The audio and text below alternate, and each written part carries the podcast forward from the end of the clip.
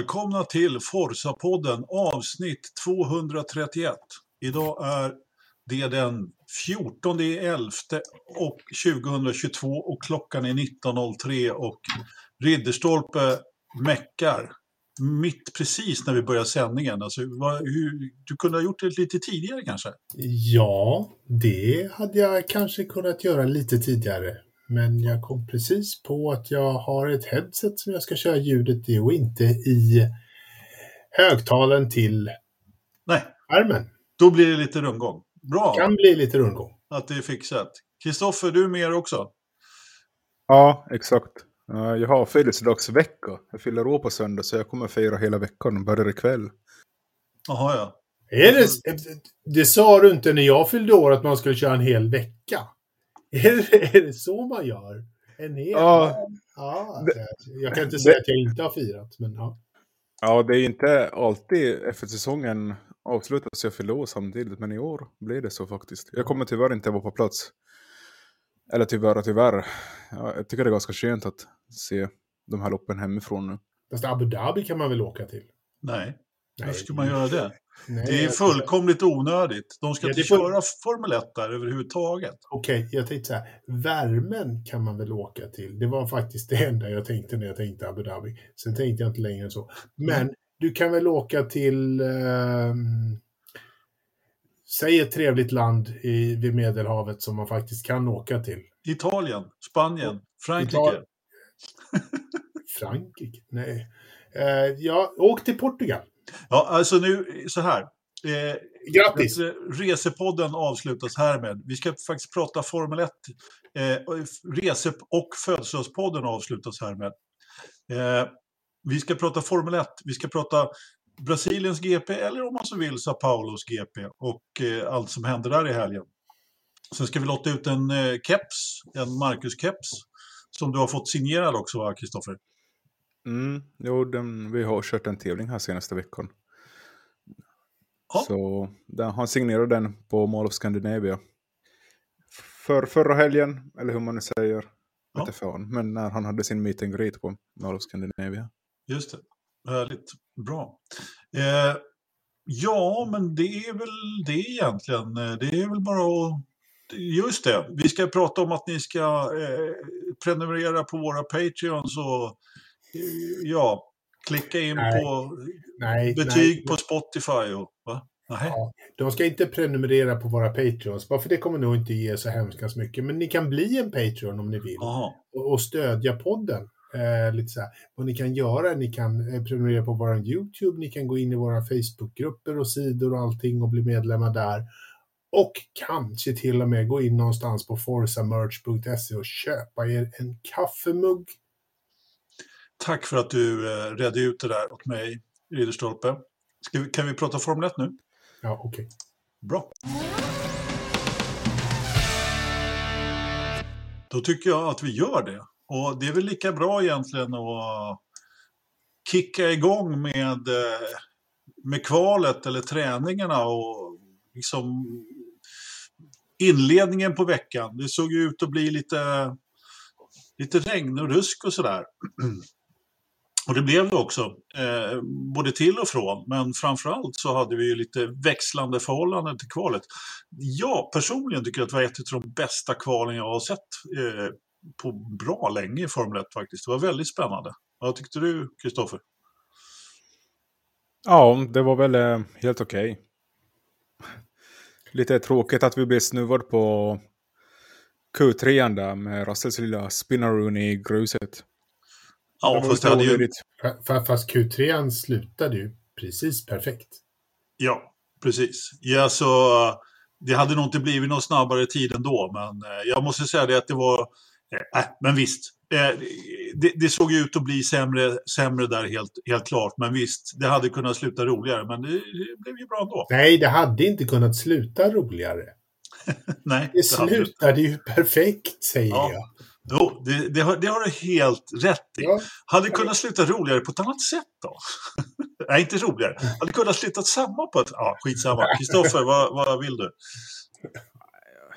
Jag var väl inte så imponerad av Russells lilla utflykt i sonden. Eller han var ju på väg att reda ut det, men uh, sen när han kom tillbaka på torr asfalt så satte han plattan i mattan och spann runt. Det var lite omöjligt att se honom, men han, han räddade ju sitt ansikte där eh, liksom, i fortsättningen av helgen, men jag var, var lite förvånad faktiskt att, jag, att han gjorde en sån där miss ändå under kvalet.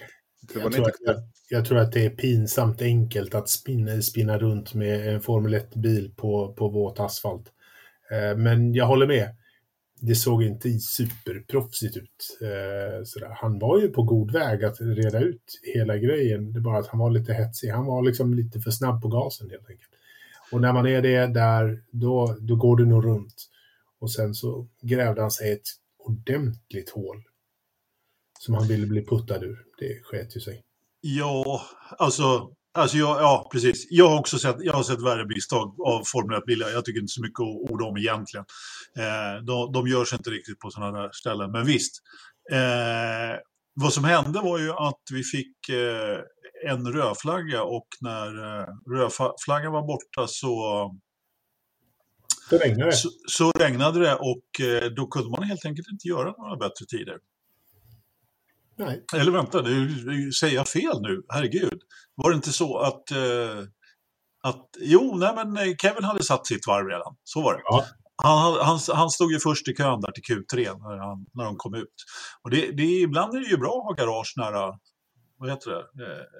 Pit exit. Ja, precis. Mm. Så att man kan eh, svänga ut och, och man kan ju svänga, ha koll på de andra och svänga ut och göra sitt. Men han levererade ju verkligen det här varvet också.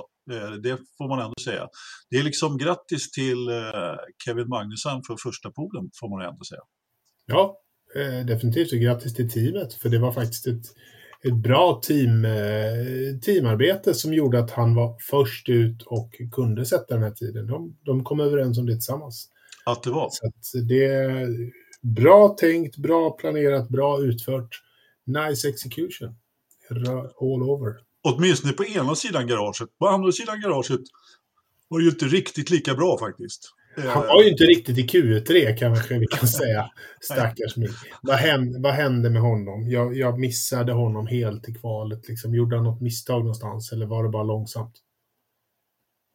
Jag vet det liksom inte. Nej, han var bara långsam tror jag. Ja, jag, jag, såg inget speciellt. Eh, han, han missade något på sista varvet, men det var ju också väldigt rörigt där. I, eh, med, ja, Ferrari gjorde ju också bort sig kapitalt när de skickade ut Leclerc och, på, på intermediate och sen ropade in honom i depå när han gått förbi depådisken. Så det var ju, det var ju lite stressigt. Det var liksom som gjort för att Ferrari skulle göra bort sig där. Ferrari har, vi har, det är faktiskt en egen punkt som vi inte har med på agendan, men vi kan bara skriva den och låta den stå år efter år här och bara prata Ferrari efter varje lopp. Ja. Men, eh, vi hade ju vår vän Marcus Eriksson som gav sin förstappen till Ferrari också för deras jobb och jag menar, de har ju de har inte ordning på grejerna. Eh, så är det ju. Vissa, vissa gör ett misstag lite då och då. Det kommer, ju, det kommer ju någon gång ett misstag från både Red Bull och Mercedes, men Ferraris kommer ju hela tiden. Så att, eh. och det här, nu, nu kommer jag hoppa ordentligt i, i startordningen, men vi kommer att prata mer om Max Verstappen och, och hans eh, slutkommentarer där i slutet om han släppte eller inte släppte check och sådär. Eh, men det visar en bestämdhet hos föraren och i, mellan förare och stall. Den saknas i Ferrari och eh, Ferrari och då främst Charles Leclerc som man förväntar sig ska leda den här truppen. Det finns inte den bestämdheten mellan Charles Leclerc och Ferrari just nu. Det finns inte den tydliga kaptenen. Om det är föraren som ska vara det eller om det är hans strateg eh, eller team eh, race engineer som ska vara det. Det spelar ingen roll. Det finns ingen som tar den flaggan just nu i Ferrari och gör någonting åt det. En enorm skillnad mot Red Bull. Och där har vi nog den stora svagheten i Ferrari just nu. Det finns liksom ingen som vågar ta initiativet och, och göra och liksom leda på riktigt. Ja, men det känns lite mjäkigt alltihopa, jag håller med mm. dig. Det är, det, är inte, det är ingen fast hand där, Kristoffer. Ja, jag tänker väl mest på att eh, Leclerc lägger ju de här kommentarerna efteråt, liksom vad sysslar ni med ungefär, men att han själv tar inte kontroll på situationen heller, så jag tror inte det är helt bara stallet man ska skylla på. Nej. Nej, jag skyller absolut inte bara på stallet. Men, men någon, det finns ingen, varken Charles eller någon annan, tar ju flaggan och, och liksom ställer sig på barrikaden och skriker. Det är ingen som gör det och det är ju ett, det är ett jätteproblem. Om de inte får ordning på det där så, så kommer de ju inte få ordning på, på det här stallet. Ja, vi har ju också Carlos som har försökt att styra upp det där några gånger och fått eh, i, princip liksom eh, vara racingingenjör själv. Så att, eh, men, och det är inte bra heller liksom. Det, ska, det där ska ju vara ett samspel. Men Carlos kommer ju inte heller, han kommer ju aldrig att ses som nummer ett i Ferrari. Nej, O men, Oavsett vad, så att han kan ju försöka ta stafettpinnen och springa med den. Men det är Nej, men- ingen som kommer att, att liksom så här lyda honom. Nej men alltså på, på sin egen bil så har han ju vid Ja. flertal tillfällen försökt liksom ta kommandot när de har, när de har kommit med liksom, ska vi göra si eller så eller ja, och så vidare. Så. Men hörni, vi går vidare. Eh, det, var, det blev en, eh, en sprint, ett sprintlopp över, vad blev det, 24 varv på, på lördagen där. Eh, som ju såg hyfsat eh, spännande ut på förhand måste man ju ändå säga med, eh, eh, med två Mercedes längst fram och eh, sen lite ja, två Mercedes längst fram. Först var det Kevin och sen Ja, var alltid två Kevin. Mercedes. Det är Ja. alltid Kevin fram, längst fram från och med nu. För vi kommer alltid ha en extra position där vi placerar Kevin först. Det har varit lite för många lopp. och, eh, Ja, Kristoffer. Du glömde ju Verstappen startar ju på andra plats. Jag vet. Jag skulle precis rätta mig och säga det. Det har varit lite för många kval och lopp. Så att det är lite för många att hålla i, hålla i huvudet här. Så att, eh, men men vi- Kristoffer, berätta du som, som kommer ihåg. Jag håller väl med dig där, som du säger. Att det blir lite... Det känns så långt borta till exempel kvalet. Men, men sprinten... Det var väl Verstappen och Latifi som startade på medium, vilket visade sig vara fel däck att starta på. De fick inte igång dem. Eh, Nej, och det var väl egentligen så att eh, de gjorde väl en chansning och det visade sig väl att de hade svårt att få igång däcken hela helgen och problem med understyrning och så vidare. Men det blev ju på något sätt lite kul i och med att Verstappen inte dominerade tillställningen som han har gjort tidigare i år. Liksom. ja, det tog inte länge. Han uh, körde om Magnusen. Men sen å andra sidan tog det inte länge innan Russell var ikapp och förbi också. Nej, och då tyckte jag ändå att Russell var lite försiktig. Det, var, det kan man ju förstå också naturligtvis eh, med hans track record. Så att, eh, men han, eh, alltså jag, jag tyckte ändå fighten var hyfsat renhårig mellan Russell och Verstappen. Jag vet inte vad ni tyckte. Vad tyckte du Ridderstolpe? Jag måste tänka tillbaka. Ja, det var just det. Eh, var, liksom, var det något, något som gjorde att den inte skulle vara eh, renhårig mellan, mellan de två? Nej, nu tänkte jag bara på att Verstappen är ju ändå Verstappen och han har ju Jo. en, eh, ha- hans, han har ju inte riktigt gjort sig känd för att eh, släppa fram förare på det sättet utan vara ganska duktig på att blocka om man får säga så. Ja, nej jag vet inte. Det, det, mitt huvud är fyllt av söndagens lopp Ja. mer än, än lördagens lopp. Ja, vi, vi kanske ska gå vidare dit. Har du, Kristoffer, vad tyckte du då om eh, deras eh, Russell eh, Verstappen där på lördagen? Ja, Jag tyckte väl han... Verstappen såg sig slagen ganska tidigt ändå. Eh, han verkar bete sig bättre mot andra Verstappen än mot Hamilton. Vilket vi kommer komma till snart, men uh, sprinten i sig var väl den bästa hittills av de sex stycken. Ja, Det är väl, ungefär- det är väl ungefär det vi, vi kommer ihåg efter snacket, att det var ju många fighter över hela fältet. ja men det var det Jag, ju. försök, jag försökte fundera på varför. Är det bara den här banan som är, bjuder in till bra racing med det. lätta bilar och, och liksom alla mjuka däck? Eller var tror- det någonting jag- annat? Jag tror att det är ban, eh, banan som, som liksom gör det.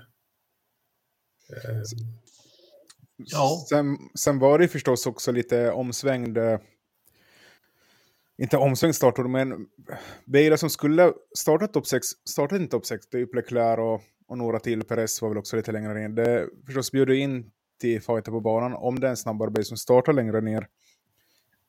Det här pratade vi om i watchalongen också som jag och Knös hade i lördags. Att eh, startordningen på söndag blev ju som den egentligen skulle varit i kvalet. Liksom, om vi inte skulle haft det här kaoskvalet då. Att det brukar liksom reda upp sig i startordningen när det är sprinthelg. Jo, men så är det ju. Sen var det ju flera saker som, eh, som egentligen hände i sprinten där som, som och, det, och det är därför, jag menar, det, sprinten rör, ska ju röra till det lite grann. Och nu kanske det var, jag menar, hade Magnusen tagit pol på, på en annan tävling så hade det ju förmodligen hänt samma sak. Men nu, nu åkte han ner till, vad, vad startade han? Var det nionde? Åtta. Åtta. Åtta, ja precis.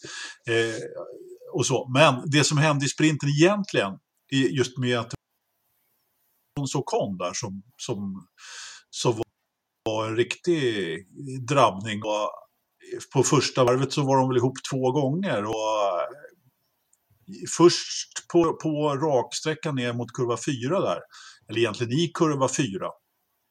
Jag vet inte riktigt eh, vem som är att eh, skylla för den, men, men eh, den senare tog i alla fall Alonso på sig då när han svängde in i Ocons bakhjul och eh, fick gå in och byta framvinge. Och, Ocon hade ju problem med bilen hela tiden, så istället för att ha, liksom, behålla sina fina startplatser som de hade fått efter kvalet så startade de ju ja, näst sist och, och, och tredjen från sist eller något sånt där. Så att, eh, ja, det, var, det var inte vidare snyggt kan jag tycka. Och sen fick ju Alonso fem sekunder för det där. Eller han fick han en straff för det?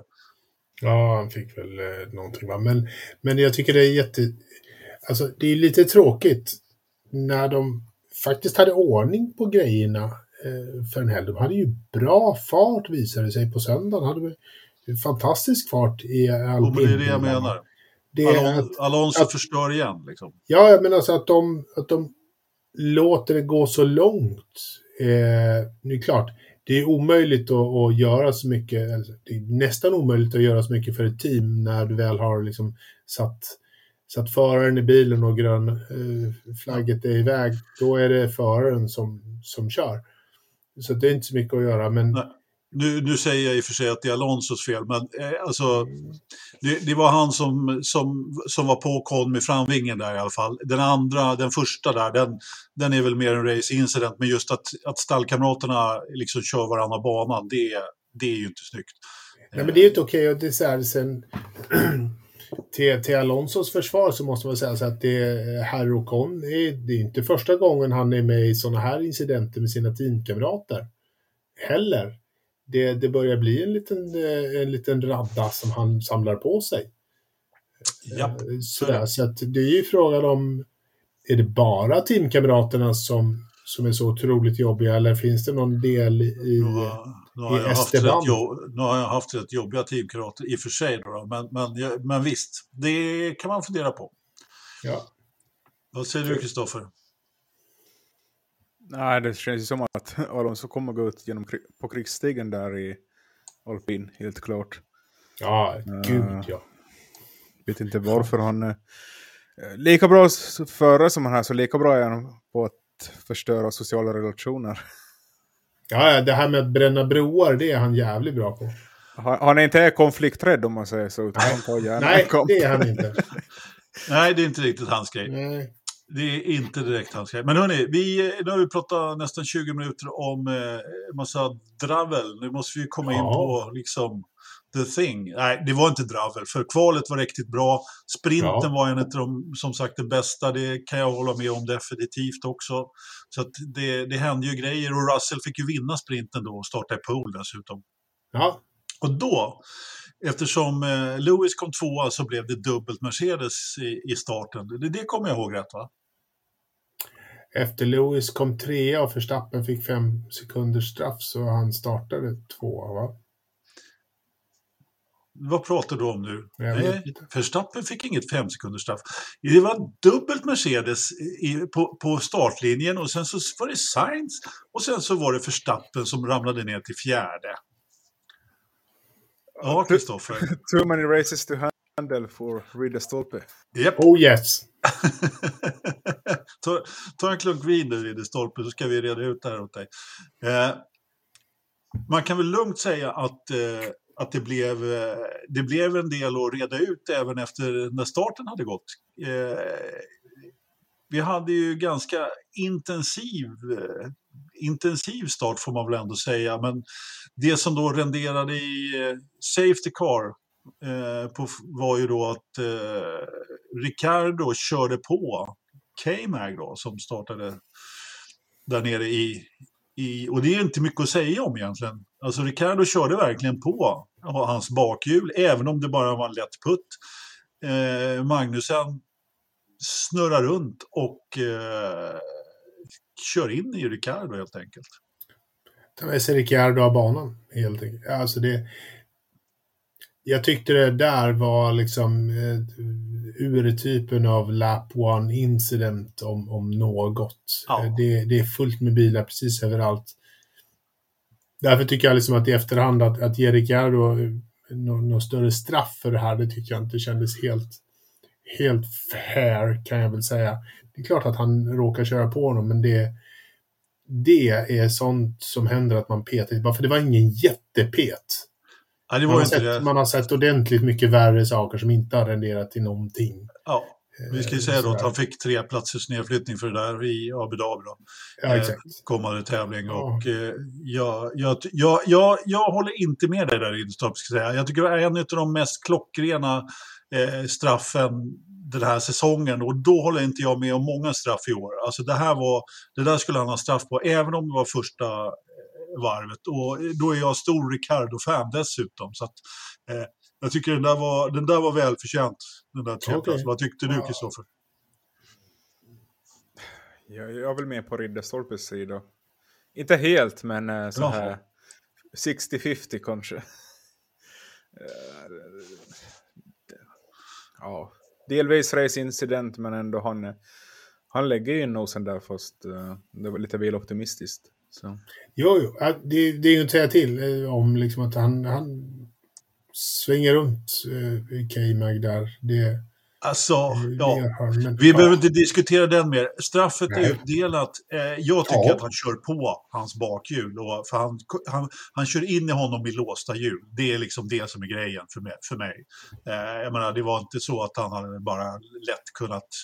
Eh, han, han hade för hög fart in i kurvan. Ja. Så, så, så var det.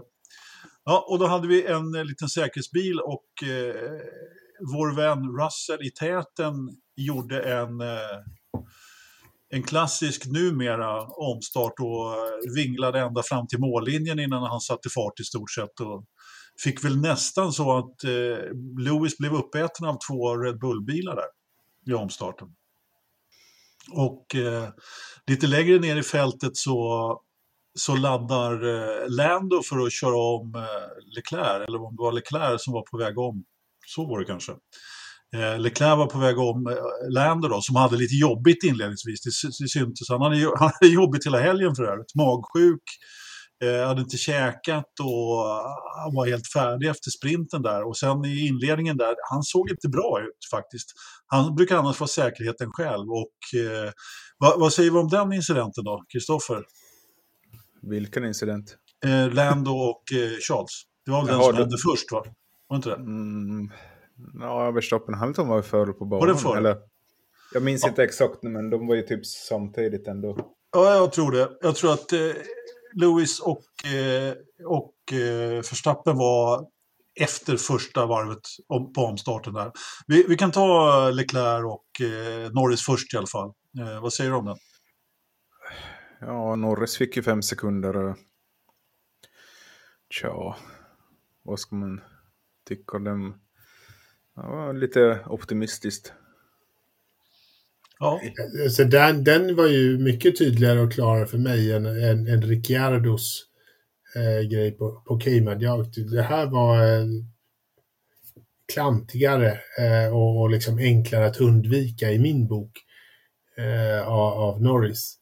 Jag, tror inte, jag tror att Norris hade nog ett rent, alltså han, eh, som han sa själv efteråt, liksom, när han kom, kom till varv 40, 45 eller något sånt, vad det nu var, liksom, då, då mådde han ju inget vidare. Och jag tror att han, han var inte på topp och det var ju det här är ett resultat av att han var inte på topp när loppet började. Eh, liksom magsjuk och inte äta och inte få någon energi i kroppen. Det är allt annat än optimalt. Så jag vet inte om det var så genomtänkt egentligen av att sätta honom i bilen. Kanske inte var det absolut bästa. Nej, man kanske skulle ha kört med Nyck där. Ja, jag, eh, jag, jag funderade på det också där under... Han var, det fanns ju faktiskt en kille i McLaren Overall som kunde köra. Ja. Jag, jag hade... Sådär i efterhand är det alltid lätt att vara klok liksom, men det är väl klart att det ska ju rätt mycket till för att en Formel 1-förare ska missa ett lopp. Då ska man ju vara död i stort sett. Så att, eh, jo, ja, absolut. Frågan är vems beslut det är. Ja, jag, jag, tror att det är jättemycket eh, förarens beslut, men viss, viss styrning måste väl ändå en läkare få i det hela om det är farligt så att säga och sådär. Ja. Men men han sa ju själv, jag mår bra, det är ingen fara med mig. Jag kanske begår något litet misstag mer här eller där, liksom, men jag klarar det här. Men alltså, det, han var ju bra i alla slut. Liksom. Och han var ju inte liksom i någon position i, i VM-tabellen för att han ligger ju ändå liksom på behörigt avstånd från Science, men ändå liksom en bra lucka ner till Ocon, så det är ju inte... Det är väl den där teamfighten de var mer rädda om. Tror jag, ja. Jag, jag, tänkte på det där också, att de ville Sickart Haaland eftersom han är den som kan leverera bäst i den bilen. Jag tror det var mest mm. därför han hamnade köra. Jo, jo, så kan det vara. Men, men alltså att sätta Nick de Vries där, han, Nick de Vries är ändå on a roll så att säga. Han är ju på, på vågen och, och, och flyter fram en del med, med ett nytt kontrakt signat och, och allt sådär. Han hade nog inte gjort bort sig, tror jag. Nej, men samtidigt, alltså, om man tittar på det, jag menar Norris han har ju varit, han har ju levererat och levererat och levererat för McLaren. En, en, jag, hade också, jag hade förmodligen också satt en halvsjuk Lennon Norris i bilen hellre än nykter frys, om man tänker efter.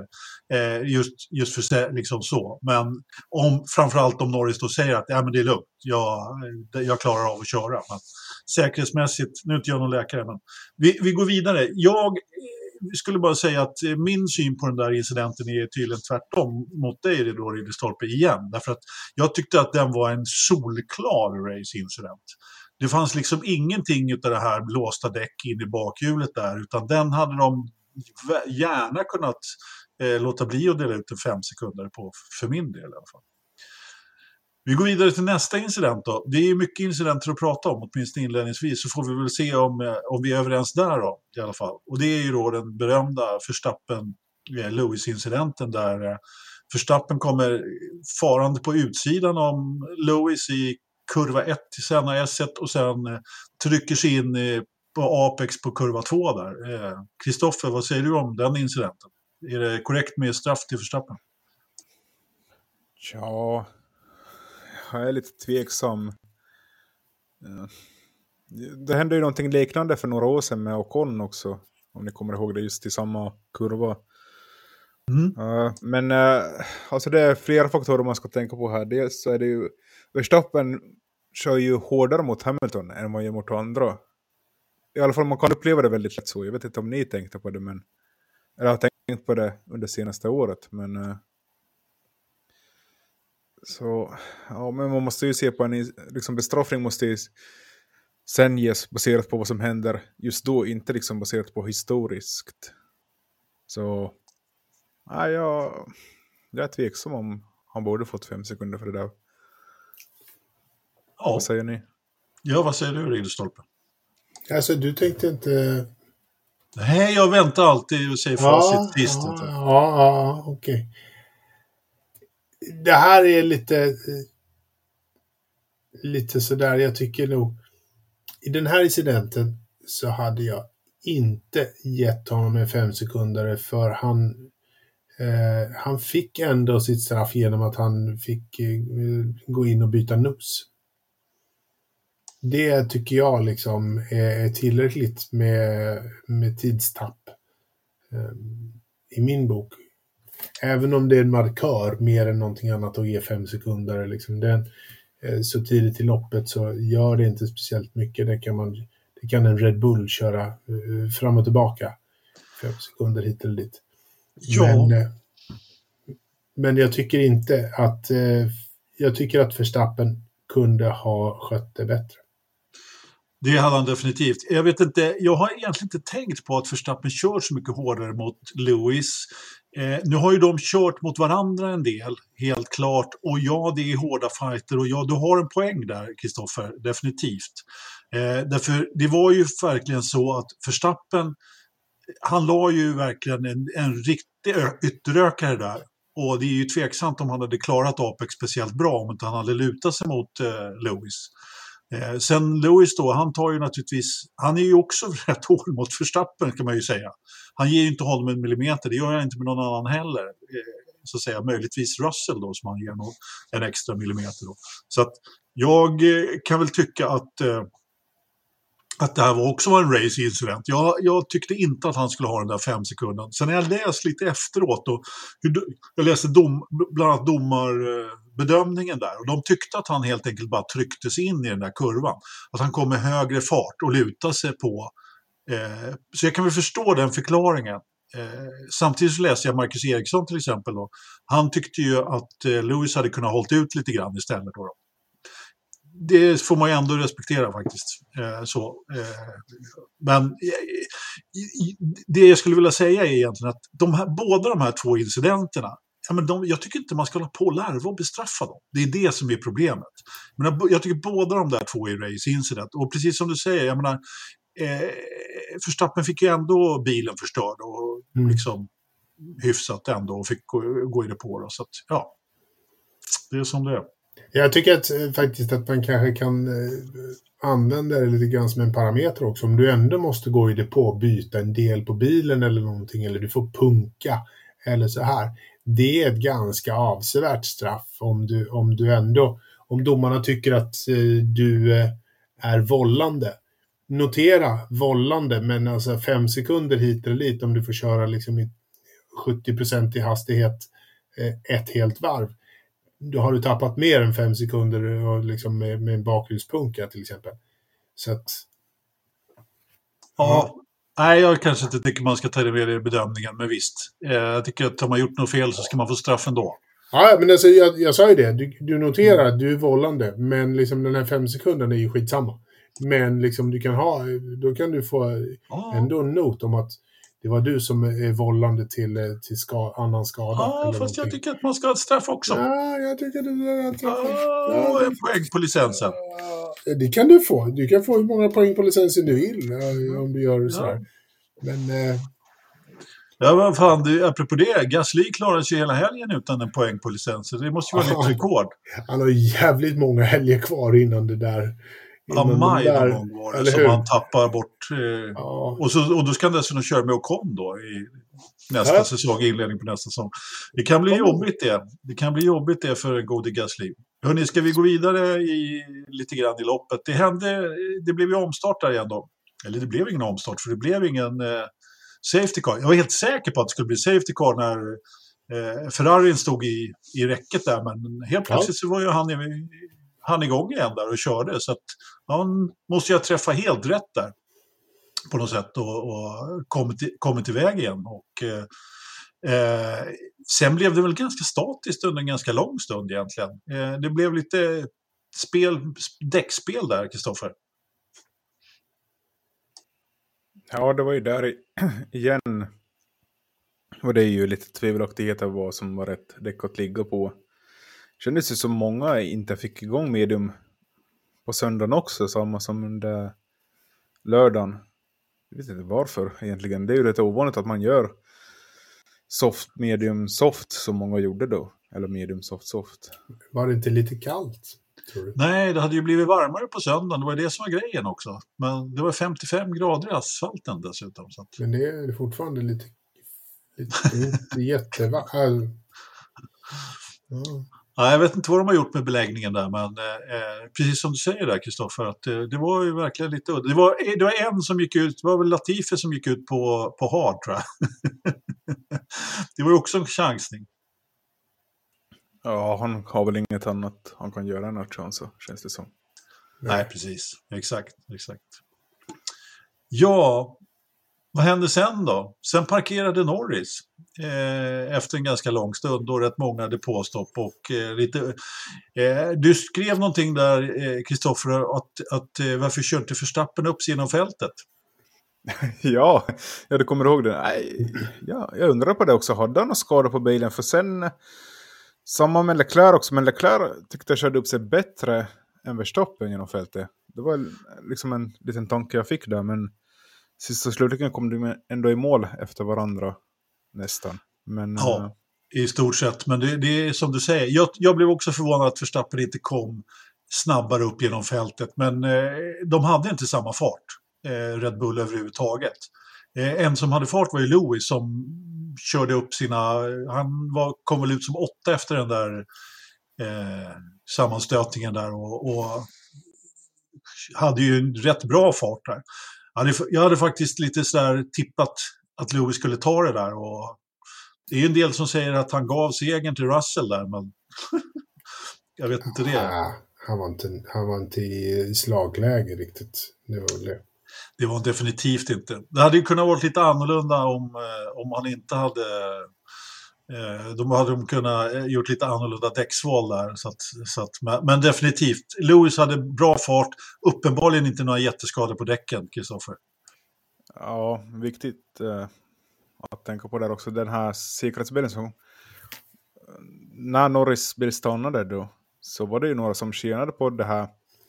Som Sainz och Alonso och andra som tappade på det där, till exempel Bottas, han låg ju på femma och hade en bra lucka ner. Men eh, tyvärr hade han varit in rätt tidigt och safety-caren packade ihop fältet då. Så tyvärr som det är i den här sporten, safety-caren kommer alltid ge en fördel till vissa och nackdel till andra. Så är det. Så är det. det är spelets regler, tyvärr. Ja, frågan är, vi behöver inte ta den diskussionen nu, men det är många som, som gillar amerikanska reglerna där, att man stänger det på och eh, låter alla gå in samtidigt. Det kan man ju diskutera vad som är rätt. Men eh, vi hade ju en annan kille som, som dit tills hade gjort ett fantastiskt lopp och såg ut att ta hem en hyfsad skopa poäng och det är ju Sebastian Vettel som också låg där uppe. Eh, jag kommer inte ihåg om han låg före eller efter Bottas, han låg nog sexa om Bottas låg femma. Ja, jo. För de, de var ju på lite samma strategi där också. Exakt, exakt.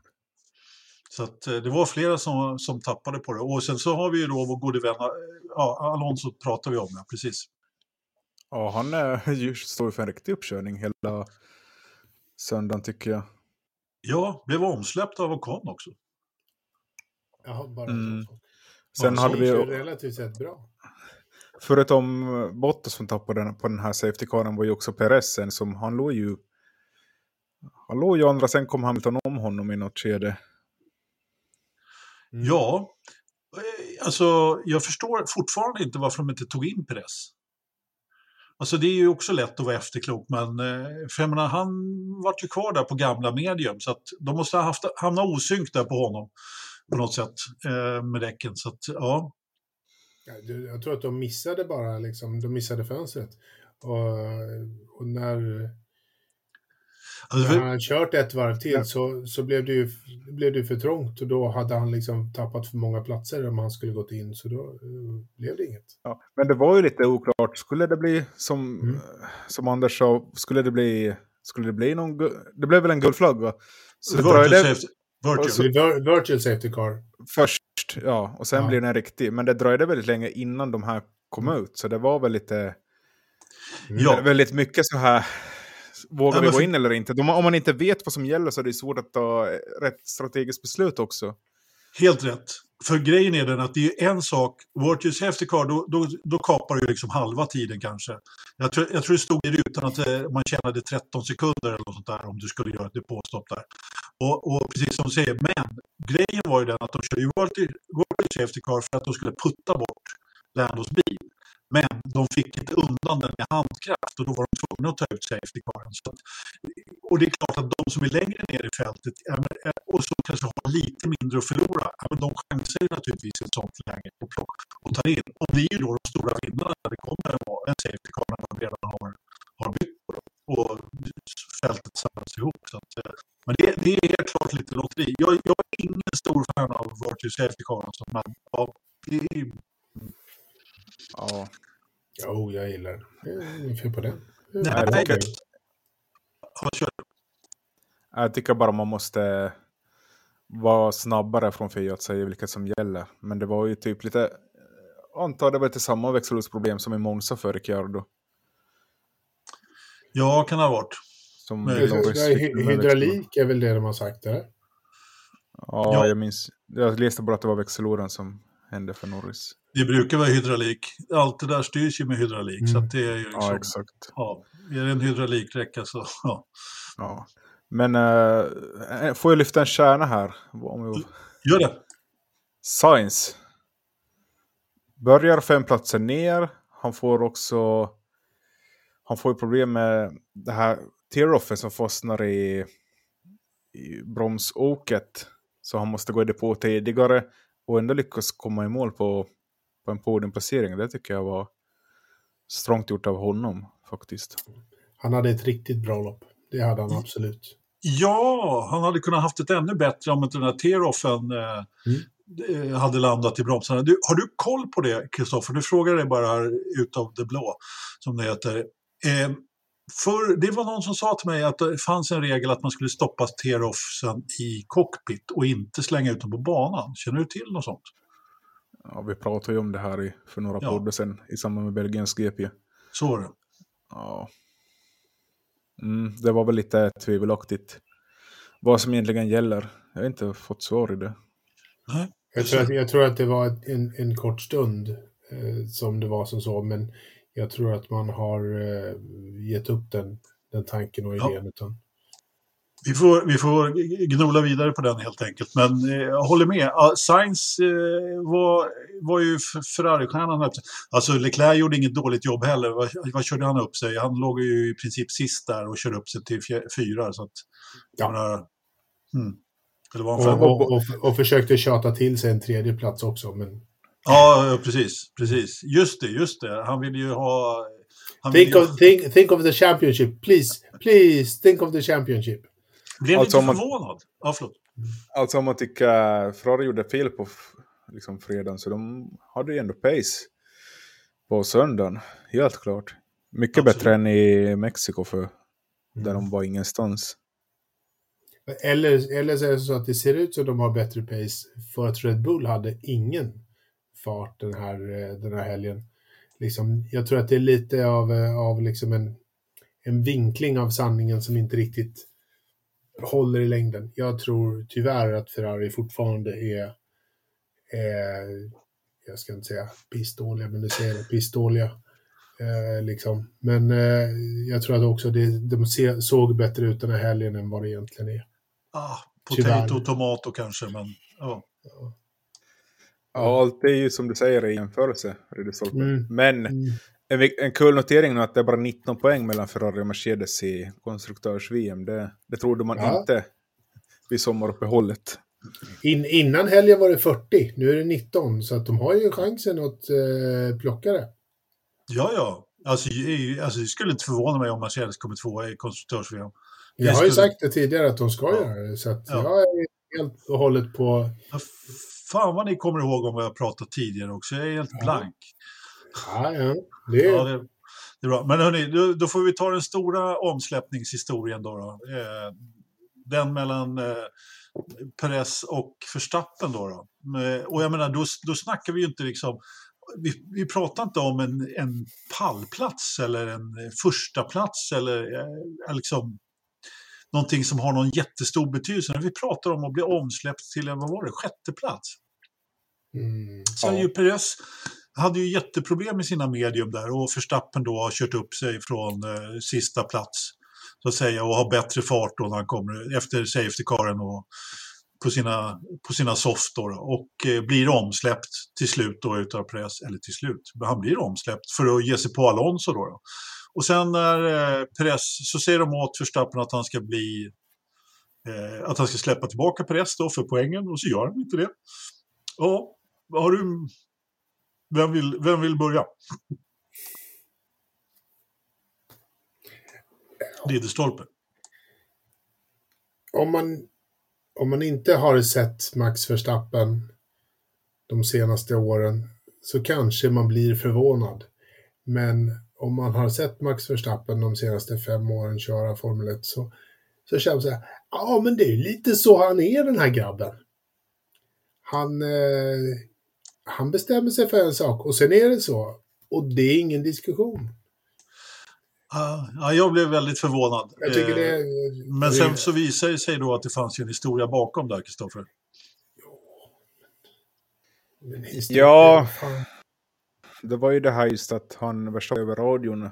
I have my reasons, I told you last summer. Jag vet inte om man menar sommaren 22 eller 21 då, men För det är ju någonting tydligen i, internt i Red Bull så har ju, här är bara lösa rykten från holländsk media, Note, Big Note, som säger att Perez skulle ha medgett då i efterhand att han kraschade i kvalet med flit för att få starta framför Verstappen. I Monaco. Ja, i Monaco, om jag sa fel där. Och det var ju därför, för det var ju den här helgen som Jo- Jos Verstappen la en, en jättelång utläggning bara på Max Verstappens hemsida om hur de skulle stötta Verstappen i Red Bull och inte liksom ge fördelar till Perez och någonting sånt. Jag minns inte exakt, men det var... Det verkar som att det här har liksom... Han, Verstappen då har... Tyckte det var dags att göra, uh, he, utse en hämnd för den här kraschen. Som han gjorde Alltså, medvetet. kraschen, eh, kraschen var väl liksom att eh, Perez hade tagit eh, position i, i kvalet, kommer in i en kurva och enligt motorkurvorna också gasar lite mycket i, eh, i den här kurvan, vilket resulterar i att han kraschar och det blir rödflagg och det går inte att sätta en ny tid. Så att han har då förstört för Max Verstappens kvalvarv. Att låta ett lopp hänga kvar och bli en sån enorm grej som det uppenbarligen har blivit i Max Verstappens liv, att han förlorar ett kval, eh, är lite signifikant för mig för hur Max Verstappen är. Det är ganska barnsligt att låta en sak eh, leva så länge när han ändå har fått den här eh, Checo Perez att leverera åt honom så att han har fått två stycken VM-titlar. Då kan man nog kanske vara stor nog och säga att den där grejen var en skitgrej. Det var onödigt och dumt, men vi redde ut den där och då och sen drar vi inte den något längre. Men han är inte så. Han funkar inte så. Och han håller inte på så, utan han har sagt att om ni, om, om ni säger att jag ska eh, köra om honom så gör jag det. Men jag släpper då fan inte tillbaka honom. Ja, men Det får han, köra, han får köra om mig om han ska om mig. Ja, Ingenting men annat det, finns ju ett par saker här i den här soppan som jag tycker är ganska speciella. Jag menar, alltså det här är ju Multi 21 igen liksom, på något sätt. Med, med, med Fettel och, och eh, Mark Webber då, då, när Fettel gav igen genom att inte släppa, genom att köra om Webber då. Men i vilket fall som helst, eh, eh, upprinnelsen till den här där i Monaco som du pratade om, Ridderstorp. jag menar det var två Ferrari före på griden för Perez. Jag menar, gör man verkligen en, en Singapore då, liksom, och sätter bilen i muren? Det, jag, tror, jag, är helt, jag skulle bli ytterst förvånad om inte det där är ett misstag. Även om man tittar på telemetrin då, att han liksom har gasat på. Han har liksom fått något eh, fel på bilen eller någonting i den stilen. Och jag menar, det som du sa också Kristoffer, rykte. Ja, det sägs ju att Jos Verstappen har hört Christian Horner och Tjecko prata om det här. Jag menar, det är därifrån ryktet kommer. Jag menar, det, vi- det är liksom den mest partiska personen jag någonsin känner. Jag känner. Ja. Jos Verstappen känner till. Liksom. Ja, Kristoffer. Ja, det kan ju vara som du säger Anders, att, eh, att de har gjort en sitt på datan. De får ju säkert se det på varandras data. Och sen har Max Jos gjort sin egen bedömning att Perez gjorde det med flit. Så kan det ju också vara. Kan jag Definitivt. tänka mig. Ja, ja, men de har ju helt, helt klart gjort sig en egen sanning av det här. Liksom. Och det som förvånar mig i det här, det är ju, alltså Max, han är dubbel världsmästare. Han, eh, han är liksom den som leder stallet. Alltså Tjecko är ju klassisk wingman. Han är ju verkligen en wingman där. Han är en, and, en, en andreförare liksom. Och det, det är det jag säger. Max Verstappen har stallet i sin hand. Ja, han Men- behöver liksom men inte han- göra så här. Nej, han behöver inte det, men han är ändå så otroligt barnslig eh, i, i sitt sätt. Att han inte släpper en sån här skitsak. Han har vunnit två VM. Och han, eh, liksom, han är bäst i stallet. eh, Liksom, han är bäst i världen just nu. Vad är liksom att hålla på och hänga på en sak som kanske Och dessutom hände med flit. Som sig... inte, liksom, så här, som, inte ens, som inte ens vet att det hände med flit. På en teamkamrat som har, han har släppt fram dig ett antal gånger och han har supporterat dig. Han har fan stridit för dig. Eh, liksom. Ja, jag menar bara titta på sist i Abu Dhabi liksom och allt Och som, det- som och check. det- Jag menar att och allt det- är bara den bortglömt. Ja, och den enda som vann eller förlorade någonting sådär, det är din teamkamrat som förlorade på det här. Eh, Liksom, han är bara- du, du- Han är är bara liksom- det- avundsjuk. Avundsjuk att han inte fick fira i Monaco liksom. Det är Ja, nej, vad helt sanslöst. Nej, alltså det är småsint och jävla tråk. Liksom, väx upp. Ja, hade du något eh, mer att tillägga om incidenten, eh, Kristoffer? Nej, Jag kommer bara ihåg att det var ett lopp i sommar också där Max har kunnat släppa om Checo för att få lite mera liksom få samma möjlighet men Max hade liksom prompt sagt nej. Jag kommer inte ihåg vilket det var men de hade gjort på samma sätt att Checo hade mera fart och han ville om men Max liksom Just höll det. på bromsen. Var det- Var det, inte, var det, är, det inte, är det inte det loppet han refererar till när han säger last summer? Liksom Nej, I, gave, var- I gave my reasons. Dels var det då han gav my reasons, men ursprunget är Monaco. Men han gav sina orsaker till varför han inte släppte nu som i Spielberg. Eh, liksom, och han har varit väldigt tydlig med det här. Jag har förklarat för teamet varför det är på det här sättet. Och det kommer att fortsätta vara på det. Det finns inte, han kommer inte ändra sig. Det är bara så.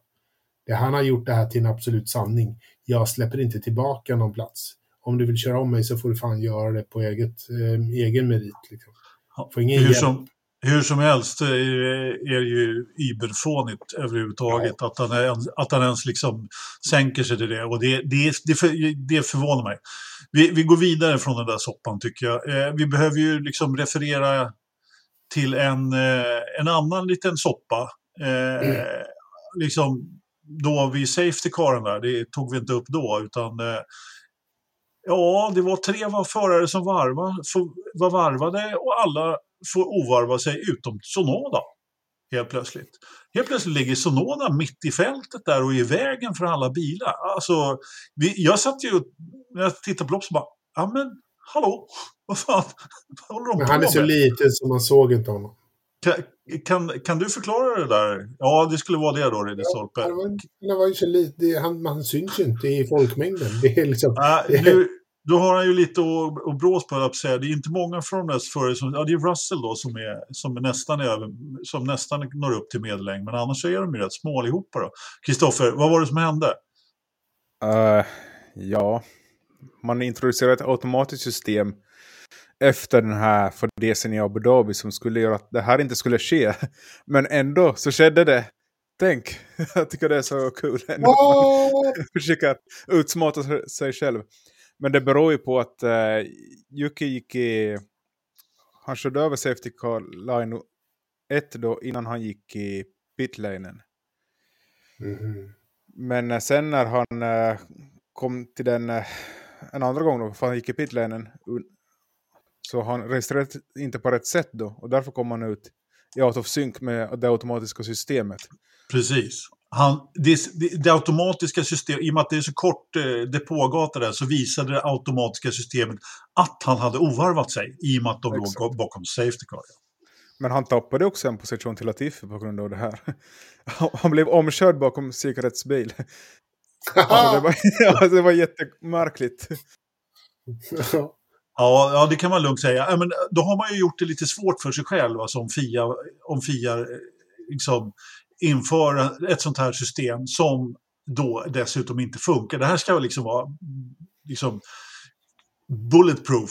för Ja, det är dåligt testat. Systemet är ju dåligt testat. Liksom. Du måste Och så ha... har man liksom släppt ut något. Ja, men det är ju som du, du vet som håller på med sånt där Ridderstolpe. Liksom, när man släpper ut en programvara och sen så, så liksom första timmen så kraschar fanskapet. Ja, men vi har Ja. på att testa i en månad liksom. Men hallå, eh, man kanske ja. Man, man behöver inte göra allting så jävla svårt heller. Nej, det kanske ibland är Formel 1-experter på overengineering. Ja, Eh, faktiskt. Faktiskt. så- Helt så klart. det. Yes, yes, yes. Då fick vi i alla fall höra, för första gången i Formel 1-sammanhang så fick vi höra God Save the King spelas på en Formel 1-bana. Va? Det var ju Inte, först, inte första gången. Jo, Jo. första gången. Som om God. Save the King spelades. Det var nämligen så att eh, det är ingen eh, vet du, britt, britt som har vunnit sen, eh, sen Queen Elizabeth dog och hon har levt och varit drottning så länge som det har vunnits britter i Formel 1 faktiskt. God damn it. Det är liksom den där tanten. Mm. Precis, det var, det, var, det var ju många som pratade om det, att det var slutet på Louis här. nu när det var tronskifte. Men, ja, vad säger du Kristoffer? Ja, exakt. Tronskifte kallar de det. Och vad tror ni? Var det faktiskt... Är det Russells tid är nu? Eller... Det kan man verkligen fråga sig. Eh, jag är ytterst tveksam. Jag tycker att Lewis ser ut att ha väldigt mycket krut kvar. Nu har ju, nu har ju verkligen Russell klivit upp från... Eh, alltså han hade ju en eh, säsongsinledning som var helt sanslös när Lewis kanske inte riktigt var på sin spets. Och det var ju inte Mercedes-bilen heller. Men eh, jag tror att det kan bli tufft. Eh, vi- jag hoppas verkligen på en 2016 igen. Det vore riktigt kul. Men eh, Ja, vi, vi, vi får se. Vad säger du, Ridderstolpe? Jag tror inte vi kommer få en, en, en 2016, men jag sitter och funderar på, på, på Russell och hans, hans säsong och hur han är och hur Lewis har varit i år. Jag tror att det är lite... Nästa år eh, kan bli Russells år om han får en jäkligt bra start. Om han sätter två vinster på rad i början av året, snabbt och tidigt och, och sätter standarden som han sen kan hålla. För han kan hålla en hög standard när han väl liksom eh, Eh, kommer upp. Han är otroligt eh, talangfull. Då kan jag nog gå med på att säga att vi kan se en, en tronskifte. En vinst, det, här, det, är liksom, det är lite för, lite för enkelt eh, att säga tronskifte redan nu. För Hamilton, som du säger, eh, Anders, att det, Hamilton har mycket torrt krut kvar där. Liksom, han, är, han är liksom inte färdig än. Han verkar inte liksom, eh, lämna någon, inte en millimeter för att sluta än. Så att, eh, Nej, Men- men visst. liksom, om, om Russell får en bra start på nästa säsong, då kan det nog vara början till, eh, till ett tronskifte. Alltså jag tror ju att Lewis borrar så mycket av Russell så att han kommer att behöva mer än en bra start nästa år. Jag tror att han kommer att behöva, och dessutom så kan ju den där eh, lilla holländaren lägga sig i det där också nästa år. Äh, Så vet man ju aldrig vad, vad Ferrari hittar på heller. Och jag menar, nu när Mercedes verkar ju faktiskt verkligen ha fått fjutt på bilen så att det känns ju som att eh, nästa säsong kan ju bli riktigt episk faktiskt om det, om det håller på, om Ferrari bara skärper till sig. Va, va, va, vad tror du själv, Kristoffer? Ja, svårt att bedöma bara på... De hade ju farten i Mexiko också Russell skulle ju kanske haft pole där om han inte gjorde sitt misstag där in, i stadionområdet. Och bara de skulle satt på rätt däck också i loppet. Men eh, Precis. mm, jag tycker det är kul att Mercedes eh, är, är, är tillbaka nu. Jag får väl ändå säga att de är tillbaka. Det borde ju som sagt gått till för nästa år som du säger, Anders. Men eh, jag kommer inte säga... jag är lite försiktig, jag vill väl ha lite mer fakta på bordet innan jag kan säga att Russell är permanent bättre än Hamilton. Han är stundvis bättre, ja, men inte... Det är väl inget tronskifte ännu. Nej. Nej, det tycker inte jag heller. Nej, inte än. Men det, men det är nog inte jättelångt. Om han får en bra start, som jag sa, en bra start nästa år, så är tronskiftet nära. Ja, ja. Vi får ja. se, Ridderstolpe. Vad säger Okej du om tronskiftet i Haas då, istället, Ridderstolpe? Det har inte varit något tronskifte i Haas. Kommer Kevin det har alltid regerat där. Ja, det Kung- rätt i. Ungen har alltid varit the mag. Ja. Det, det, vi pratar om är ju att eh, alltså det, det, har pratats om att Hylkenberg ska komma tillbaka. Personligen kan jag säga att jag har avfärdat Hylkenberg-ryktet till Haas. För jag, kan, jag har liksom aldrig i mitt liv kunnat tänka mig att, att han ska komma tillbaka och inte till Haas. Jag har, all, jag har, liksom aldrig, jag har inte förstått grejen. Men nu verkar det faktiskt som att nu är det, nu, nu, alltså ingen rök utan eld, men eh, nu, nu brinner det ta mig fan. Liksom, lika mycket som Ocons bil efter kvalet. I Nej, alltså, men, men, men, men, men. Hur tänker den här Günther? Ska han sätta de här två, lick my balls, bredvid varandra och, och, och leverera lopp efter lopp? Och, och Hylkenberg kommer nog inte bara ta ett ettårskontrakt om Nej. han ska gå tillbaka. Han har nog mer än, eh, mer än ett plus ett i, i de här avtalet. Liksom. Ska, vad är det egentligen han, han ut, alltså är han, är han självmordsbenägen på något sätt den här Günther? Eller vad är, hur, hur mår han? Hur, vad vill han? Ja, jag vet inte. Vad säger du? Klimat, om, det är, om det är hans beslut liksom, eh, heller. Han har ju förmodligen en del att säga till om, men jag, alltså, jag, jag börjar ju tro, alltså, för Hylkenberg har ju inte heller några jättesponsorer bakom sig eller någonting i den stilen. Så att, jag, jag tycker det hela, det hela verkar, det ligger en gravad hund där någonstans. Eh, vad säger du, Kristoffer? Ja, jag minns när det här ryktet kom upp för flera månader sedan. Eh, då det var det tyska Automotorsport som tog fram det. Och då var jag väl lite så mer att jag, lite så här jag tänkte att ja, är det här på riktigt eller är det bara tysk media som vill liksom slänga in sina egna riddare där. Uh, Giovinazzi var väl också på tal där men uh, de säger att han brände sin chans i, i USA. Jag vet inte hur mycket det ligger bakom det men nu är det liksom 99% säkert att det blir Hulkenberg. Så enligt vad jag, Ja, enligt, enligt, enligt, enligt, vem? Enligt vad jag har läst idag.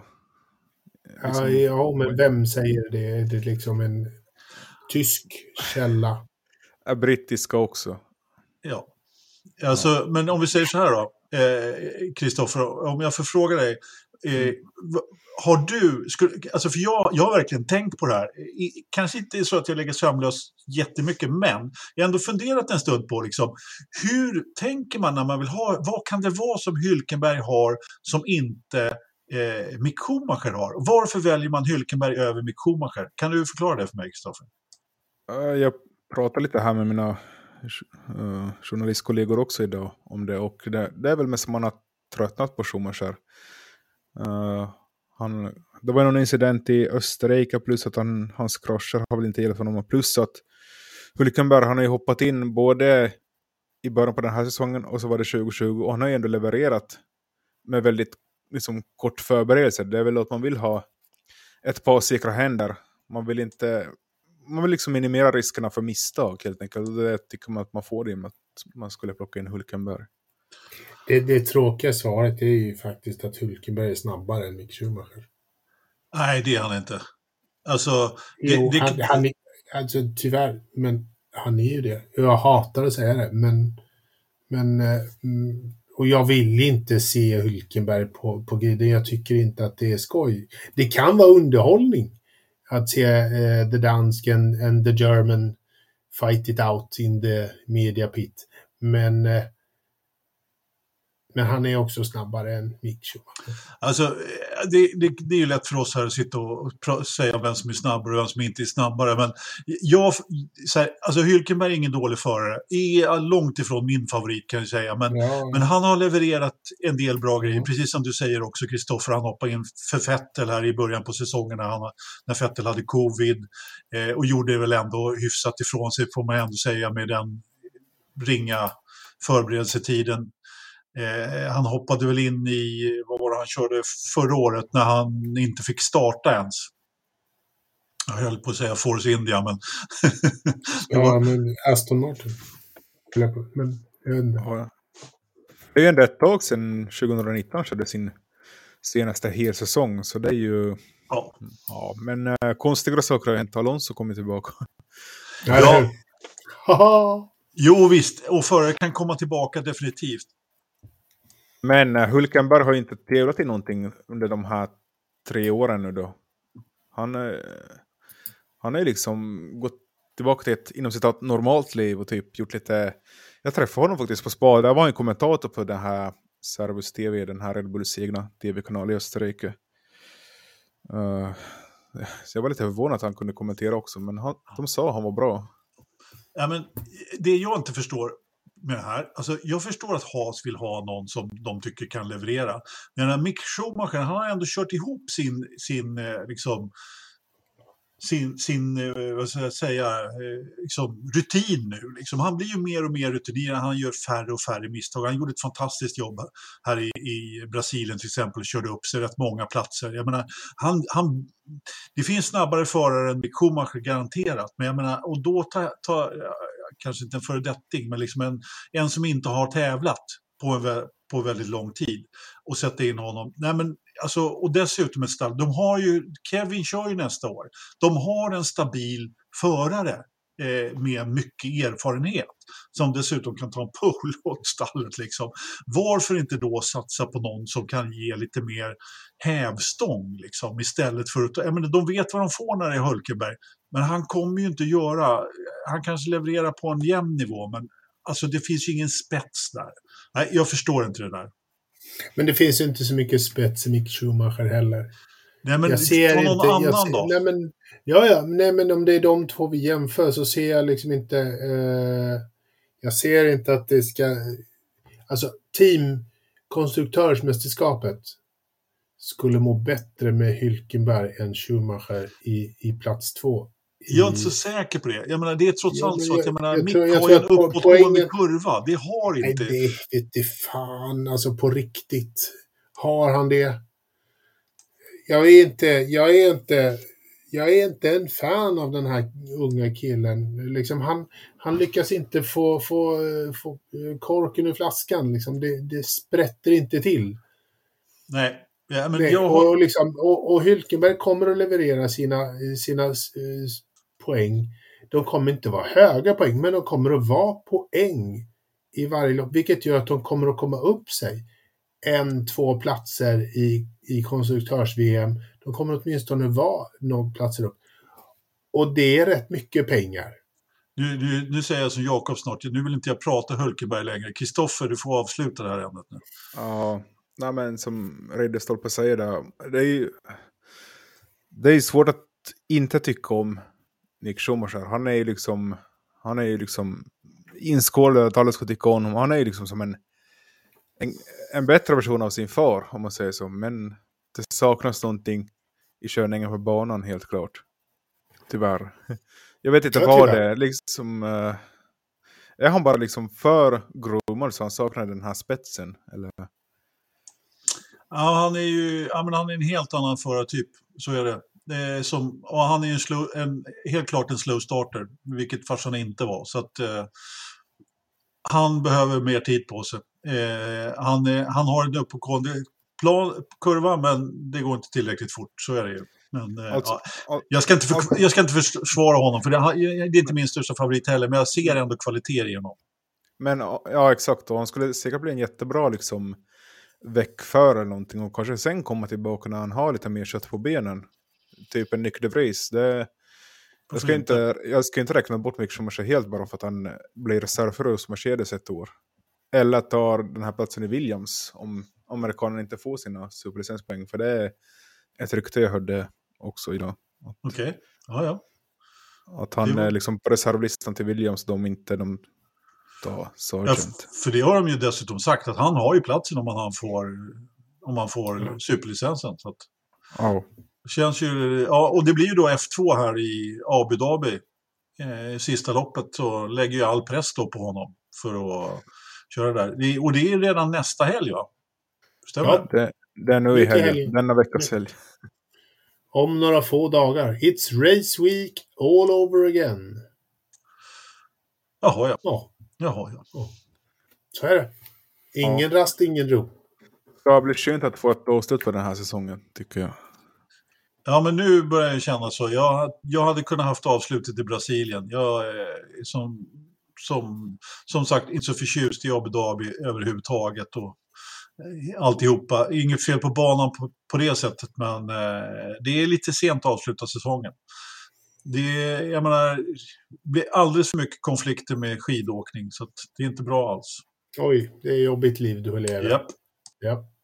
så är det. Så är det. Men som sagt, Abu Dhabi, Abu Dhabi då nästa helg.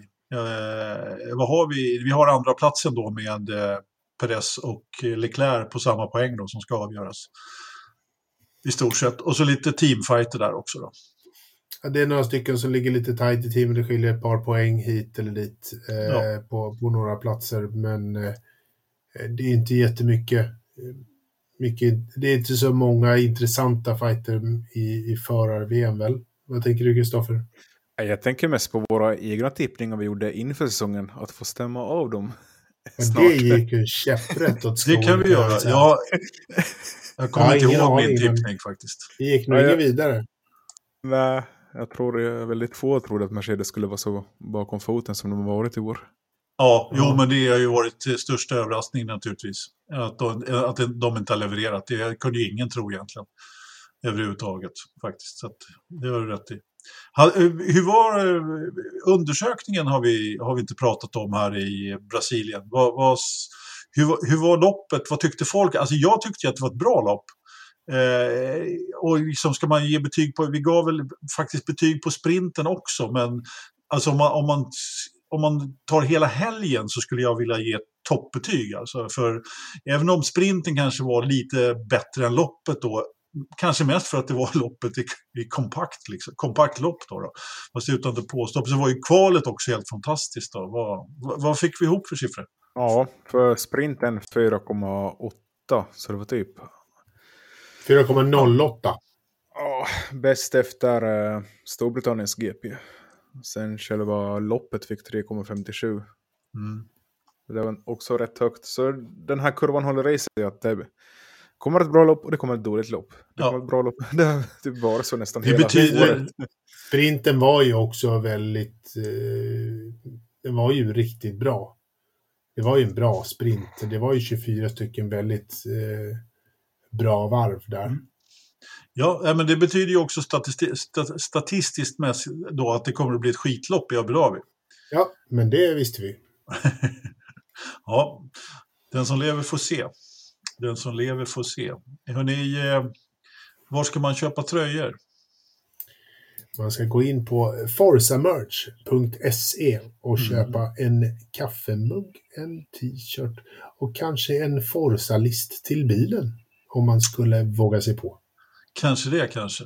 Kanske det, kanske. Och så ska man prenumerera på YouTube-kanalen och man ska sätta betyg på Spotify. Eh, gärna höga betyg. Och vill man så får man donera en peng via Patreon. Det får man också göra. Eh, då går vi över till nästa ämne. Då. Som är Indycar. Och där har det ju hänt massor i, under veckan som har gått, eller hur? Ofantliga mängder. Ja. Alltså en stridström av nyheter som har helt passerat mig. Men den träffade Kristoffer Lindén. Ryggen som en ryggdunk från the Hulk Hogan himself. Vad är det egentligen som har hänt i Indycar? Jag har ingen aning. Ingenting vad jag vet. Hulk Hogan kommer vi in på. Ja, WWE. Ja, ja, ja. Ja, ja, men det är väl Sato som bara ska köra ett eh, Oval Only-program. Ni slipper Ja. honom på resten av banorna. Oh, härligt. Det är faktiskt lite spännande för det öppnar väl lite dörren till våran svenska vän Linus. Ja, ja, ja. Jag har inte stängt dörren. Nu ska du inte vara så... så Jag har inte heller stängt dörren, definitivt inte. Men jag hoppas verkligen att han får en styrning. Men alltså, det, Men- ser, det ser inte djupt, ljust ut, det gör det inte. Ja, ja, Jula. Kom igen nu. Kör på. Ja, vi behöver lite, vi, be, vi behöver en eh, styrning till Linus, det gör vi definitivt. Ja. Och, Men Penske, och Penske säger att han vill ha mera ovaler i framtiden. Alltså, han som äger Indycar-serien. Ja, tror jag det. Han äger ju varannan i oval där borta också, så att det är klart som fasken att han vill köra på ovalen. Men eh, alltså, om, man, om man tittar på historien på, på Indycar så har det ju faktiskt, när IRL startade en gång i tiden som, som, eh, som utbytarserie till kart, då körde de ju i stort sett bara ovaler. Och ett par eh, road courses där. Så att, eh, ja. Och det kanske har varit eh, övervägande delen med, med road och stadsbanor här. Så att, eh, visst, jag skulle inte heller tycka att det är tråkigt med en oval till. Men jag tycker gärna de får utöka till ett par lopp till faktiskt. Det är lite för få med 17. Ja, Yes. något lopp till skulle nog vara bra. Ja, och så, så blir det ju, i och med att de har då de här dubbelhelgerna, så blir det ju inte lika, lika tajt. Men sen tycker jag det är helt okej att de avslutar i september. Det får de gärna göra. Det, så är det. Ja, det, det krockar inte med några skidor där. Nej, precis. Det gör ju inte det. De får gärna hålla på någon vecka till, men det var ju tydligen amerikansk fotboll där som drar igång som de inte vill gå emot. Och det kan man ju förstå. Liksom, så, på det sättet. Men, men, det var inte det vi skulle prata om. Vi skulle prata om Daniel, eller hur Kristoffer? Daniel Ricciardo, nej. Det är Daniel Eriksson som har vunnit en Marcus Eriksson-keps signerad i Mall of Scandinavia. Ja, viktigt att påpeka var den är signerad. Alltså, Ja. vilken Eh, plats de- som man Och, skrev på. den är signerad av Marcus Eriksson också. Marcus Ja. Eriksson-kepsen. Exakt. Bra. Det är, inte, det är inte så att de har något som är släkte, eh, de här familjerna Eriksson och Eriksson. Men den ena stavar på ena sättet och andra stavar på andra sättet. Så att nej. Ja, jag menar Eriksson är inte ett helt ovanligt namn i Sverige Men, faktiskt. menar du det? Nej. Jag tänkte inte ens på det. Liksom. det var en Eriksson en Eriksson-keps. Eller hur? ja, ja, nej, jag kollade bara. Liksom, vår automatiska lottningssystem kollade på alla som hade delat och plockade ut Du ser. Daniel Du ser. Grattis Daniel, får vi väl Ja. säga. Stort grattis till kepsen. Skicka adressen till info at forsapodden.se eller ring Ridderstolpe på 0... Ja, eller hur? 07975. Nej, men eh, kontakta oss på något av våra sociala medier. Eh, skicka ett mejl med adressen så, eh, så löser vi resten med postgång och alltihopa sånt där. Så. Ja. Eh, så tar vi helt enkelt nästa ämne. Nu blev det lite övrig motorsport i alla fall här, eh, Kristoffer. Eh, jag tror att det blir väldigt kort idag. Eh, men det har ändå körts lite rally va? Ja, jag har inte förberett mig nu eftersom du sa att vi skulle inte ha Nej, men då, ja. Förlåt, jag tryckte, jag tryckte på fel knapp. Är det så här det blir när man liksom har, har en rookie vid, vid rodret? Ja, det, det är precis så här det blir när man har, har en rookie vid rodd. Men vi behöver inte prata så mycket. Vi kan säga att man Ja, men, men, men, ja, men eh, Rolly, i alla fall den, den grejen där att eh, en bil kommer in, och sen en bil, alltså en vanlig bil kom in på rallybanan på Stage 4 i Rally Japan. Oh. Och den körde i motsatt riktning mot de som tävlade där. Och det var bland annat finska VRC2-förarna Sami Pajari och Emil Lindholm som råkade, lyckligtvis lyckades inte krocka med den här civila bilen då. Men eh, man eh, håller på att kolla på det här. Hur den lyckades ta sig in på ett avstängt banområde. Det är ju jättefarligt. Ja, det känns som att det det var lite eh, jobbigt och man skulle möta någon när man kommer med Bresland i 200 faktiskt. Alltså där är code brown så det bara ryker om det. Ja, verkligen. Du Ja, sitter det, där i din lilla Seat och så helt plötsligt så kommer det någon jävligt 200 knyck genom kurvan rakt emot dig. Då, då är det ju inte stor. nej, verkligen inte. Ja, Ja, alltså, jag, minns, jag minns inte när det här skulle ha hänt senast. Har det hänt någon gång? Ja, Jag har aldrig hört talas om det. Det enda gången som jag vet att det har kommit in en privatbil på banan, det var 2008 när Janne Blomqvist och eh, Eje Älg brakade in på just eh, Interlagos då. Eh, det, det var ju också en liten eh, händelse då. Men de körde ju kanske inte mot banan då, eller mot trafiken och det var inte så mycket träning som pågick. Men ja, var, Men de hade väl dessutom en videokamera med i bilen. ja, så det- det var någon det- som filmade lite grann Ja. där. Definitivt. Nej, jag har aldrig hört talas om att det har hänt på rally. Det borde ju nästan ha hänt, hänt eh, vid något tillfälle, men just i VRC också med hyfsad eh, stor organisationsapparat och alltihopa. Så att, ja. Hopp, hopp, hopp. Då, det, var, det var det, höll jag på att säga.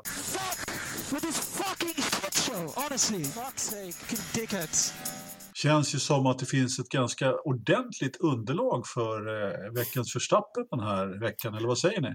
Vi skulle kunna ta ett, par varv här tror jag eh, faktiskt. Och, Alltså, och- jag, skulle, ja, jag skulle kunna rabbla så fem, sju stycken minst, men eh, Och då har vi inte ens liksom tagit upp eh, killarna i Aston Martin, vad de gjorde på sprinten. Var det sprinten? Nu, nu blir det för många lopp igen här. När Stroll tryckte Fettel av banan i stort sett så han körde på, på gräset där. Det var ju ett av de fulare grejerna jag sett faktiskt. Fick han ju straff för också. Stroll faktiskt. Så. Alltså när, hur, många, hur många poäng eh, har han på sin licens innan han blir avstängd ett lopp? Och han har alltså, inte lika har, många som Gasly. Men han, har han en egen lista på något sätt? Liksom, så att han, han måste komma upp i 34 poäng innan han blir avstängd. För att de, de sponsrar så mycket. Men alltså det... Nej, det jag, är, den där, jag, är, jag är rädd för den där pojken. Ja. Alltså, jag är rädd för honom. Han, de senaste loppen har han uppvisat en, en sån okunnighet och ignorans. Eh, så att det är på riktigt. Det, ja. är inte bra. Ja, men jag håller med. Det är, ja, verkligen, verkligen. Det, men han har faktiskt inte jättemånga poäng på sin licens. Jag kommer inte ihåg exakt hur många det är, men han fick ju några till här. Han är det är Gasly som, som är i en egen liga där faktiskt. Att, men eh, när du ändå snackar så kan du väl dra din Verstappen också då, Ridderstolpe? Ja, Ferrari. Nu igen. Ja, men... De får många förstappen här, men det är inte helt oförtjänt alltså. Inte helt oförtjänt. Alltså det här, var, var det du, Kristoffer, som la den här eh, depåvideon när de, när de leker eh, när de leker Vart är mitt däck? Eh, alltså det, det, det är ju liksom helt bisarrt. Om jag hade varit förare och sitter i bilen och tittar på de här jävla smurfarna som springer fram och tillbaka, man bara Vad gör ni?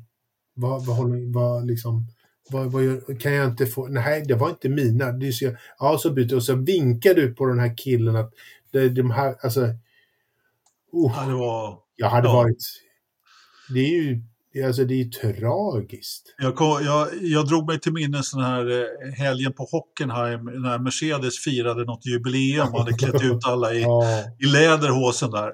Ja. då hade man ju kunnat liksom ta någon sån här stumfilmsmusik till där när det var en ombordkamera. De sprang runt och letade däck till Lewis i 50 sekunder eller vad det var. Ja, helt, det, var, det, var, det var ett sånt läge nästan faktiskt. Ja, det var, det var, det var jättetråkigt. Men det var, ja. var det Patrik Knös som sa liksom att det här är som, som den gamla goda tiden i, när de, ett gammalt depåstopp hade gått fortare. Och jag, jag kommer ihåg, det, var, det finns ju den här jämförelsen någon gång. Eh, där det är en ensam kille som står med, när man slår med en slägga för att oh. typ 20-talet eller någonting och ska, ska byta däck. Det var ungefär så lång tid det tog. Alltså han hade kunnat springa runt där och byta fyra däck på, på ensam. Ja, innan de, de hade muttipickorna så var det slägga på centrabult som gällde. Ja. Då, då, tog det en stund. Det tog en stund. Liksom. Ja. ja. Men jag menar, jag då som har varit Alesi-fan vet ju att Ferrari, de har ju under lång tid hållit på så här. Eh, och jag menar, de är nästan tillbaka till det igen. Det är ju bara under en period som de inte har hållit på att strula så mycket. Jag menar, när, när, när Berger Alesi körde där, då satt man ju på, som på nålar och, och liksom ena depåstoppet, det var det snabbaste i historien. Och så nästa depåstopp tog två minuter. Liksom. Så att eh, det var alltid, det var aldrig liksom de mellanläger. De kunde aldrig liksom, uh, pumpa depåstopp liksom, som, som Mercedes och Red Bull gör nu. Liksom. Och jag tycker, jag tycker det är undermåligt. Det är så undermåligt att 2022 inte hålla en högre nivå på, ja. på, på sådana här saker. Det, det, är inte, det är allt annat än okej. Speciellt inte med de resurserna. Nej, det, andra, Williams har fan bättre koll. De har inte de här resurserna, men Nej. de har fan bättre koll på läget. Ja. Kristoffer? Ja, min veckans förstoppen blir nog den här Uh, ja, hur ska jag säga det här? Alpin la ut ett fint inlägg om det här också på sin bland annat Instagram att uh, det här med giftiga kommentarer mm, på internet måste nog oh, de hör inte hemma här. Eller liksom oavsett, jag tycker det är liksom så onödigt bara att liksom folk... Visst, man kan tänka saker när man sitter hemma framför tv-soffan, men oavsett om man är nytt fan eller gammalt fan, man har alla haft de här tankarna men man behöver inte yttra de tankarna på internet, tycker jag. Fast kanske förarna inte ser dem, men i alla fall, jag tycker det är så onödigt bara. Att man behöver skriva saker på internet som inte är, liksom, är relevant för diskussion helt enkelt. Och, ja. Nej, många tangentbordskrigare som arga, helt klart. Så är det. Eh, Absolut. Min eh, förstappen, eh, jag har ju velat lite grann mellan, eh, mellan han som har namngett det här för sitt tilltag där. Men jag, jag, och jag, jag menar Stroll, han ska ju ha en Verstappen han också egentligen. Men, Han ska eh, ha stryk. han, ska ha, han ska ha avstängning, han ska inte köra. Han ska inte ha en Formel 1-styrning faktiskt när man kör på det där sättet. Eh, jag funderade, det var tur att det var för Vettel som han gjorde sådär på. Hade det varit någon annan så hade han väl, ja. Tänk om det hade varit Alonso. Ja, men Förstå. precis. Eh, du ska, vi, precis. Tänk på det nästa år liksom. Tänk, tänk när det händer nästa år. Ja. Nej, men min Verstappen får ändå bli Ricardo faktiskt. Eh, han har jobbat ihop hårt nu för, för den där eh, Verstappen. Han, eh, ja, det var inte snyggt faktiskt. Alltså fy fan Anders, det här var inte okej. Jo. Av alla så väljer du Ricciardo. Ja, men han är ju bara, han är ju bara, han är ju Nej, världens bästa Ricardo har blivit världens sämsta Formel 1-förare. Sluta Han kan nu. inte ens- Anders, du vet att det där inte är sant. Vadå inte sant? ja, alla får ha sin Verstappen. Du får ha Ricciardo, det är helt okej. Varsågod och ha det. Det är väl klart jag får, det vet jag. Ja, jag vet att du vet det. det Ja. jättebra. Ja, men liksom, han, han gör ju ingenting, han, han, ingenting går rätt för Ricardo nu. Liksom. Allt han gör blir fel. Det bara är så liksom. Det är ingenting. Liksom. Det är mera synd om honom än- att han ska Ja, det med, men alltså, han klantar sig ju också. Då får han väl ta och lugna sig lite grann. Han kan inte hålla på köra över världens bästa Kevin liksom, på första varvet som har tagit sin första pole och tagit poäng i sprint. Och nej, det var inte... För helvete!